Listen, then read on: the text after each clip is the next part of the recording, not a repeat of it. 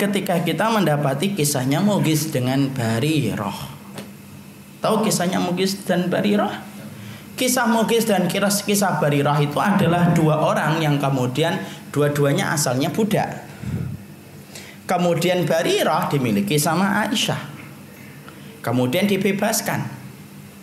Dan kita paham dalam Islam kalau ada pasangan menikah yang satu sudah tidak jadi budak, maka boleh melepaskan ikatan pernikahan. Kalau yang satunya masih budak, yang satunya sudah merdeka. Barirah ini ketika merdeka maka dia tidak mau melanjutkan pernikahannya dengan Mugis. Tahu yang dilakukan Mugis?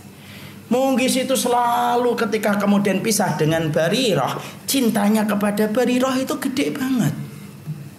Sampai kemudian di dalam satu hadis disampaikan oleh Rasulullah SAW ketika Nabi SAW menyampaikan di, kepada salah satu sahabat yaitu ungdur ilaihi yatufu khalfaha ya biki. Wa dumu'uhu tasilu ala lihyatihi. Faqala Nabi sallallahu alaihi wasallam ya Abbas ala ta'ja min haitsu mugis barirah min hubbi mugis barirah? Mugis itu saking cintanya kepada Barirah setelah dipisah setelah kemudian Barirah tidak mau untuk berkumpul lagi dengan Mugis, kebiasaannya Mugis itu apa? Mugis itu buntutin Barirah ke mana saja. Kalau bahasa Jawanya ngintil, turutin India ya pokoknya ke mana aja kemudian diikutin. Terbawa saya. Kemudian diikutin khalfah, yapki, bukan hanya ngikutin nangis. Ya Allah, Barirah wa tumuhu tasilu ila lihiyatihi sampai kemudian diterangkan dalam hadis kemudian hadis Ibnu Abbas ini apa? Wa tumuhu air matanya Mugis ini ketika melihat Barirah jalan. Dia ngeliatin di belakangnya seperti follower yang tidak di fallback sama sekali-kali nyontoh sadhanan bahasanya kan gitu sebagaimana seorang follower yang tidak di fallback sama orang yang dia follow gitu kan? Maka dikatakan oleh Rasulullah wa dumuhu tasil ila lihyatihi lo air matanya itu nyontoh sampai kemudian jenggotnya. Masya Allah. Berarti dulu para sahabat itu berjenggot.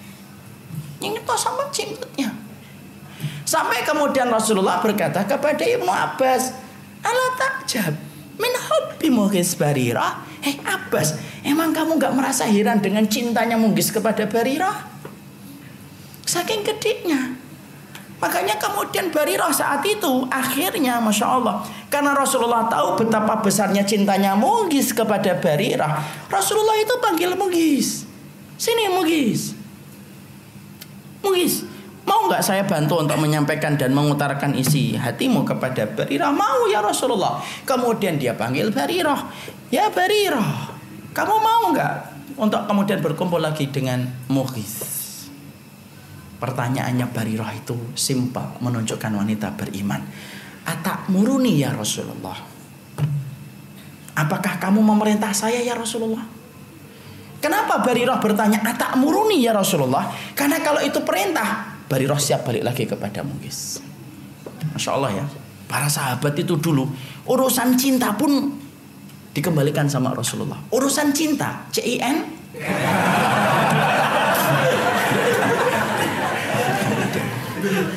urusan cinta. Lurusan cinta sampai bertanya, "Ya Rasulullah, atamuruni, apakah engkau perintahkan saya ya Rasulullah?" Kalau kamu perintahkan saya siap ngikutin Karena para sahabat itu kalau sudah mendengar sabda Dan perintahnya Rasulullah Patuh tanpa syarat taat tanpa tapi Nabi kemudian berkata karena pada posisi itu memang tidak perintah karena masalah cinta itu kemudian tidak dikendalikan dengan perintah Nabi. Nabi nama mengatakan lima anak asfa. Enggak, saya itu cuma hanya memberi pertolongan kepada Mugis. Artinya kamu bukan perintah ya Rasulullah? Enggak. Kalau begitulah hajat. Saya tidak ada hajat balik kepada Mugis ya Rasulullah. Jadilah cinta Mugis dan Barirah bertepuk sebelah tangan. Jadi kalau antum ada yang bertepuk sebelah tangan, sudah khidbah ditolak, antumlah mungkis-mungkis zaman hari ini. Inilah mungkis milenial. Jadi Di situlah kemudian kita menjumpai dalam hal inilah yang kemudian kita harus pahami. Berarti kemudian cinta itu miliknya Allah. Kalau kemudian antum ditakdirkan orang yang antum puja ternyata tidak membalas cintanya antum, maka kemudian di situ ada satu perkara yang kita pahami, yang membolak-balikkan memang hatinya itu Allah. Dan antum tidak perlu dendam dan berkata, lihat nanti kamu akan menyesal pernah menolak saya. Tidak usah gitu. Itu sinetron. Dan itu biasanya kisah-kisah IGTV. Yang kemudian akhirnya dulu pernah ditolak, akhirnya sukses, kemudian orang yang nolak nangis-nangis. Alah, hidup itu tidak seindah IGTV. Banyak masalah yang lebih besar daripada masalah yang semacam itu. Kalau kemudian kita sudah tahu bahwasanya yang membolak-balikkan hatinya adalah Allah. Mungkin orang yang pernah menolak kita itu berusaha untuk menerima kita, tapi apalah dia yang memang hatinya tidak mampu menerima kita. Karena mungkin ngelihat antum, dia pening, pusing, bikin muntah, mau diapain? mau diapain? Ya, dan kita kemudian langsung berkata, Kurang apa saya? Kurang banyak. Jadi jangan begitulah, santai aja. Berarti kemudian di situlah kita akhirnya menjumpai bahwasanya kehidupan asmara. Asmara itu Allah tumbuhkan pada hati kita itu menjadi sebuah kebaikan. Kapan asmara itu merupakan bagian dari bisikan setan? Kalau jatuh cintanya antum pada pada perkara yang haram. Nah itu jadi bisikan setan bukan anugerah dari Allah. Kayak homo. Homo itu kemudian berkata ini kan pemberian dari Allah. Ngawur ini. Masa Allah kemudian menciptakan inti untuk kemudian senang kepada sama jenis padahal Rasulullah sudah mengatakan kullu mauludin yuladu alal fitrah. Setiap anak itu dilahirkan dalam kondisi fitrah dan di antara bentuk fitrah itu apa? Itu mencintai lawan jenis. Jadi kalau ada orang homo mengatakan ini memang dikasih dari pemberian Allah, ente itu mencari pembenaran dengan menyeret nama Allah dalam satu dosa yang kamu kerjakan. Nah, ini ketawa sih.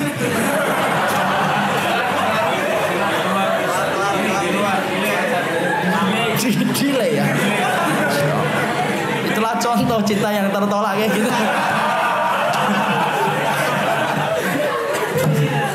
Jadi gitu. Terus nanti bentar lagi nih ketawa sana.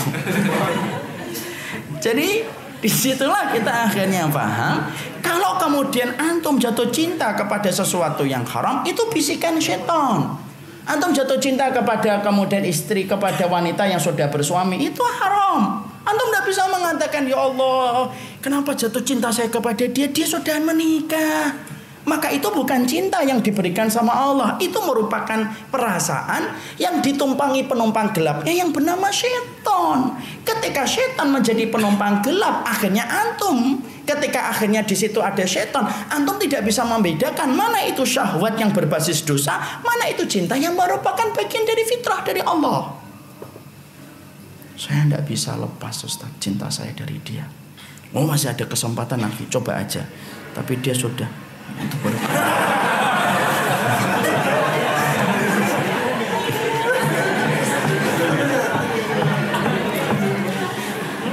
gini nih yang bikin saya pengen libur kajian kayak gini nih.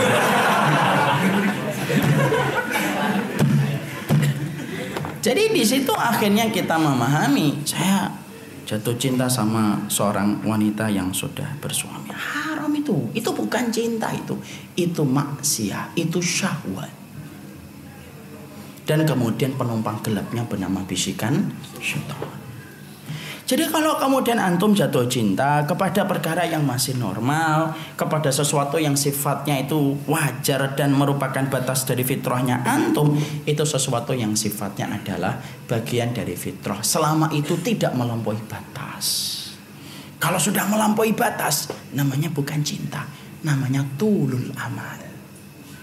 Saya jatuh cinta Ustaz. Sama siapa? sama putri pangeran Saudi. Terlalu jauh. Itu panjang angan-angan. Saya jatuh cinta Ustaz sama siapa? Saya jatuh cinta sama pemain Hollywood Ustaz. Saya harapkan dia mau alaf. Ya kalau mau alaf terus ketemu antum gitu. Itu namanya tulul amal. Paham ya cara membedakan cinta, syahwat, tulul amal. Jadi nanti kalau antum kemudian di sini akhirnya dalam poin yang pertama, antum nanti harus ngerti ini cinta yang merupakan fitrah ketika Allah membolak-balikan dan memberikan cinta sebagaimana yang dikatakan Rasulullah, sebagaimana cintanya seorang ibu kepada anaknya yang kemudian itu dibolak-balikan oleh Allah Subhanahu wa taala, maka itu kapan cinta, kapan syahwat, kapan itu tulul amal. Makanya maaf ya, terapinya orang yang kemudian mereka terjebak kepada sebuah pemahaman menyimpang dalam orientasi seksualnya harus paham bahwasanya ketika dia menganggap perbuatan itu benar adalah sebuah kesalahan fatal dan akibatnya adalah neraka. Ya, ada lagi orang yang kemudian mengatakan ini memang homo itu fitrah. Jangan diurusi masalah urusan pribadi saya dalam urusan tempat tidur saya. Nah, itulah Hari ini kita mendapati orang yang tidak beriman itu berusaha menghidupkan kembali penyimpangan orang di dalam masalah orientasi seksualnya. Maaf antum tahu ikhwan, kenapa orang kafir itu ingin bernafsu menjadikan homoseksual itu tersebar di antara kaum muslimin? Antum tanya kepada pakar-pakar kejiwaan. Penyakit seksual yang berakibat kepada psikologi berat itu masalah homo dan lesbian. Akibat dampaknya itu gede banget. Dan orang kafir tahu kalau setiap muslim itu sudah terkena penyakit ini. Orientasi, visi dan misi standar hidupnya tidak pernah jauh dari urusan syahwat. Dan akhirnya hidupnya tidak ada yang berkualitas. Makanya lihat orang yang maaf ya, orang yang kemudian sampai homo pikirannya itu cara mereka bercandanya aja jorok memandang orang bukan dipandang kepintarannya, memandang orang dengan bukan kelebihannya, selalu memandangnya urusan fisiknya untuk urusan syahwat menyimpang yang dia miliki. Antum tidak pernah dapati komunikasi yang paling buruk kecuali salah satunya adalah orang-orang yang memiliki penyimpangan di dalam orientasi seksual. Paham ya? Nomor pertama.